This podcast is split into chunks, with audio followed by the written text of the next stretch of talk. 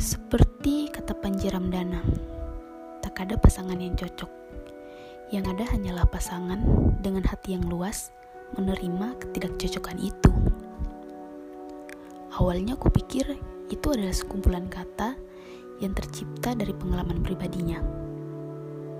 Karena aku yakin tak semua hubungan terjalin seperti itu.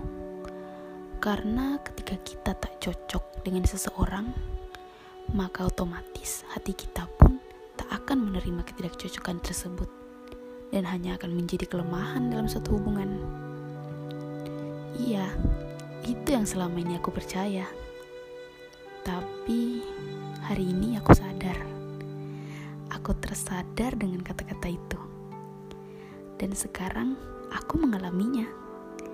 Aku dipertemukan dengan seseorang yang meyakinkanku bahwa ketidakcocokan itu adalah suatu hal yang dapat membuat kita hidup berdampingan.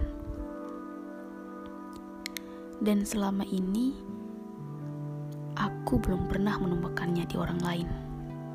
Hari ini, tanggal 1 Juli 2020, kutemukan dia.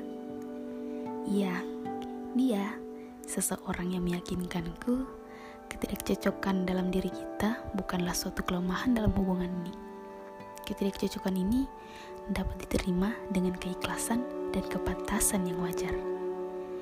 Ya, orang seperti itu yang kutemukan sekarang. Dan satu pesan yang ingin kusampaikan kepada siapa pun yang melihat atau mendengar tulisan ini. Jangan pernah lepaskan seseorang yang menerima kekurangan dan ketidakcocokanmu. Yang jatuh cinta dengan keanehanmu, tapi takkan membiarkan kamu memelihara sifat burukmu.